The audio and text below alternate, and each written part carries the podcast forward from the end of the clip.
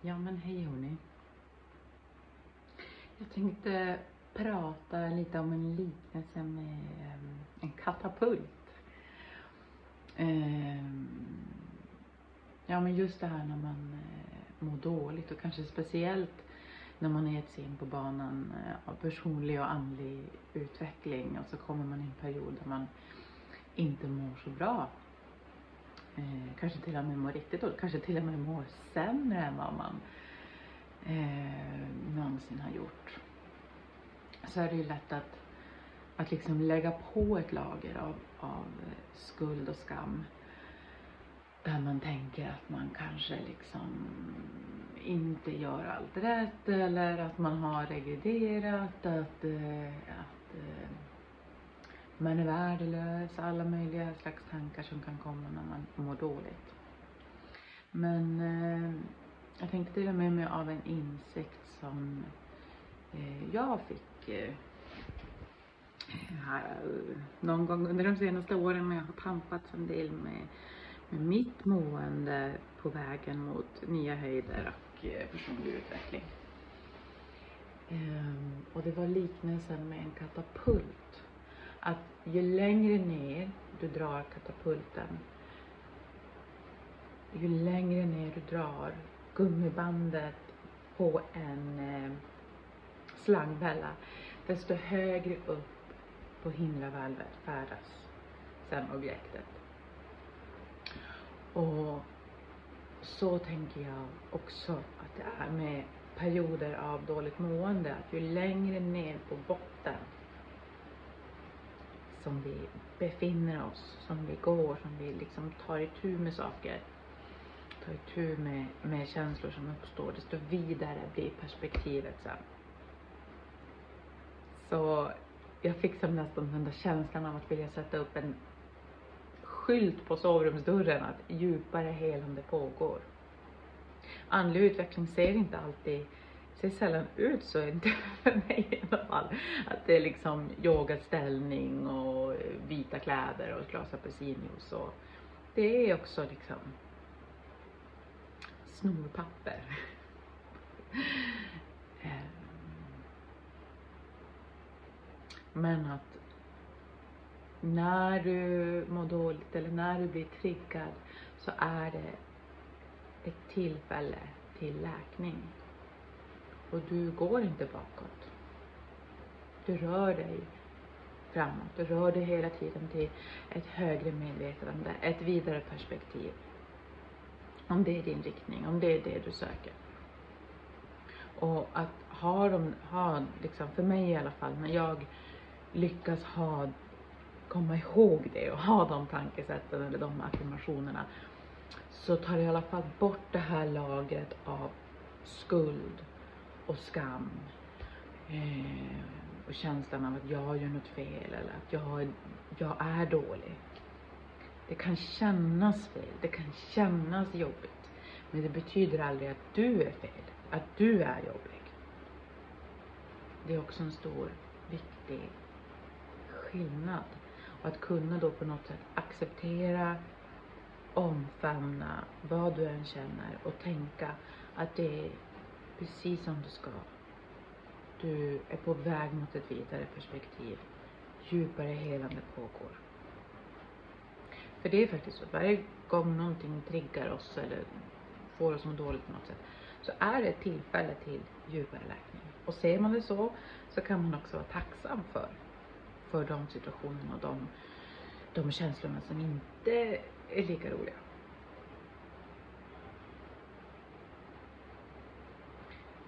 Tre, mina tre ledord är tacksamhet, acceptans och tillit.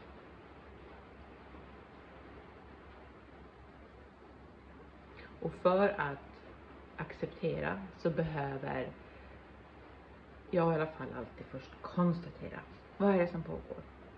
Och ibland så får jag bryta ner det till beståndsdelen att jag är förvirrad, jag vet inte vad som pågår, då är det det jag får acceptera. Sen tillit. Tillit till att jag är precis där jag ska vara just nu. Jag är allt jag ska vara just nu. Jag är på väg dit jag ska just nu. Jag är på väg mot en vackrare hamn. Även om det är dimmigt. Och jag inte ser vad som är på andra sidan. Och sist men inte minst, tacksamheten.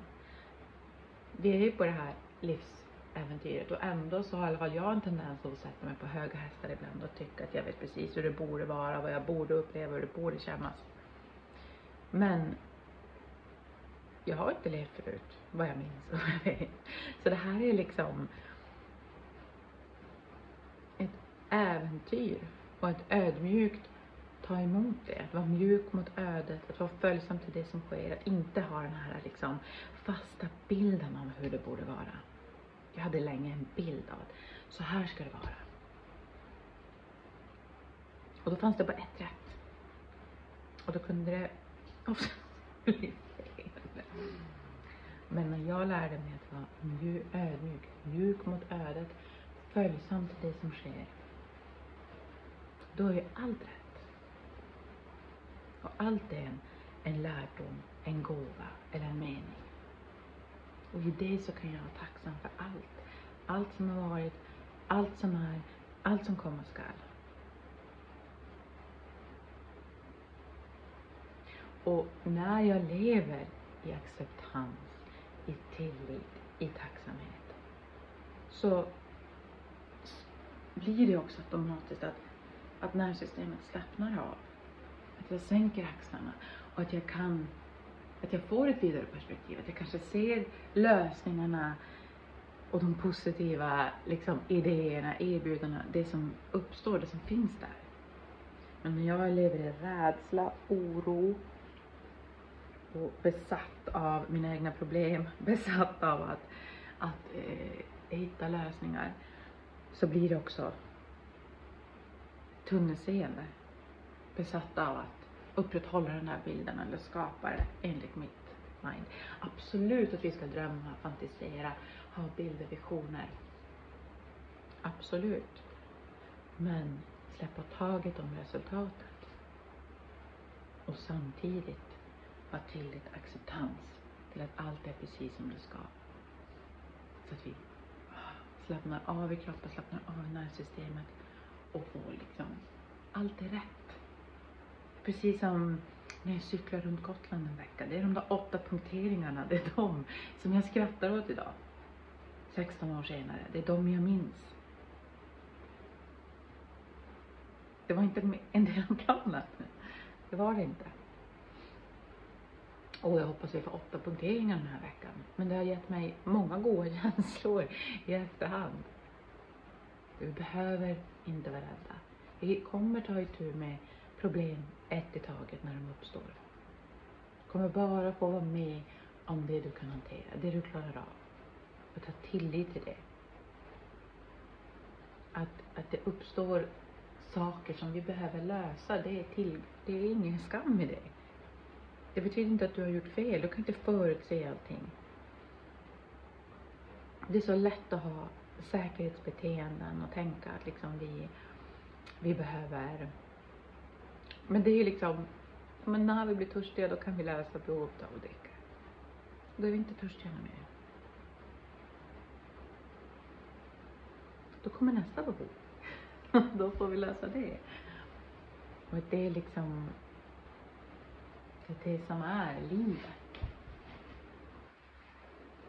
Och det kan lika väl vara men det är när vi liksom trycker undan våra behov det är när vi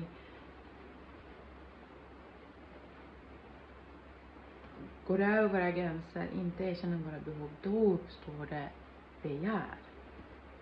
För behov, de stillas när vi är tillgodosedda. Man har vi fått en punk och vi lagar punkat, ah, kan cykla vidare. Vi är törstiga, vi dricker, vi är inte törstiga något mer.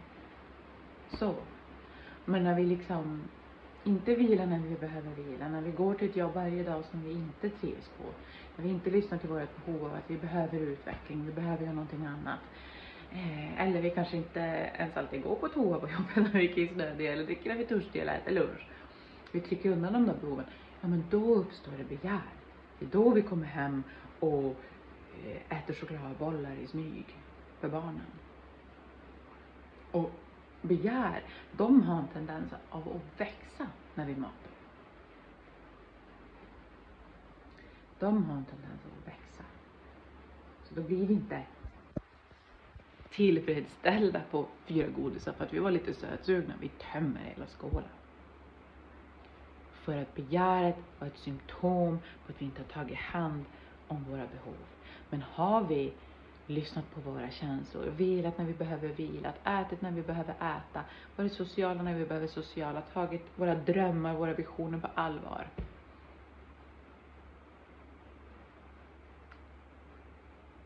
Då, alla, om alla behov är tillgodosedda, då kommer vi inte liksom få begär.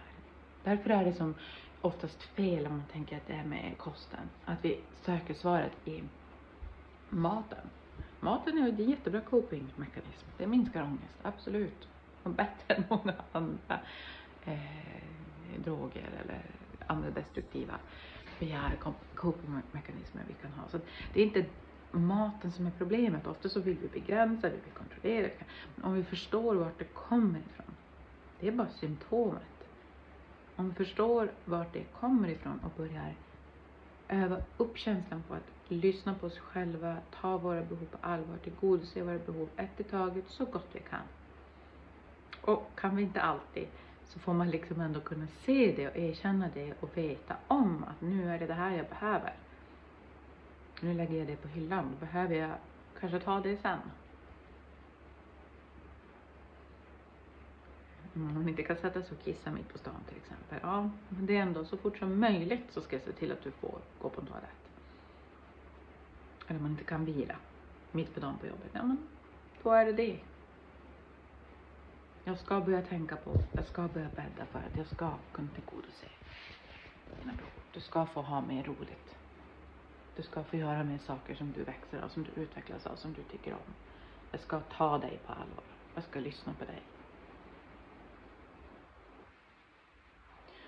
Om du börjar ha roligt, leva det liv du vill leva, lyssna på dig själv, tillgodose dina behov, så kommer symptomen klinga av av sig själv. Så mm, om du överäter, om du Ja men ser det som att, åh oh, men shit, vad bra. Jag har en så tydlig guide för att nu är någonting i obalans. Tacka guiden. Slå inte på dig själv. Du är inte mer eller mindre värd för att du har ätit upp ett par chokladbollar eller 50 chipsskål eller ätit 14 rostmackor. Se det som din läromästare. Se det som att du har en jättetydlig guide. Säg tack. Och lyssna inåt till vad det är nu. Varför du behöver den här belöningen, varför du behöver den här snabba energin. Vart har du gått över dina gränser? Vart har du inte tagit dig själv på allvar? Vart har du inte lyssnat på dig själv? Stryk dig själv på kinden. Var mild mot din mänsklighet.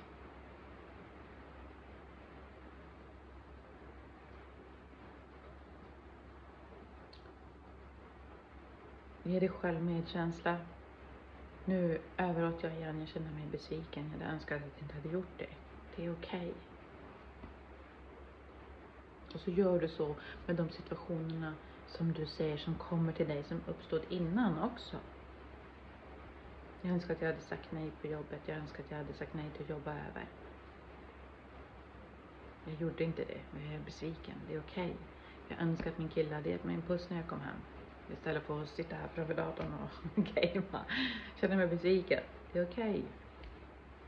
Jag önskar att den här middagen skulle ha blivit på det här och det här sättet. Jag önskar att vi skulle ha haft trevligt istället för att bråkat den här fredagskvällen. Jag är besviken. Det är okej. Okay. Var det än kan vara. Mm. Lugna nervsystemet och skapa bättre förutsättningar till att göra om och göra rätt. Acceptans. Tillit.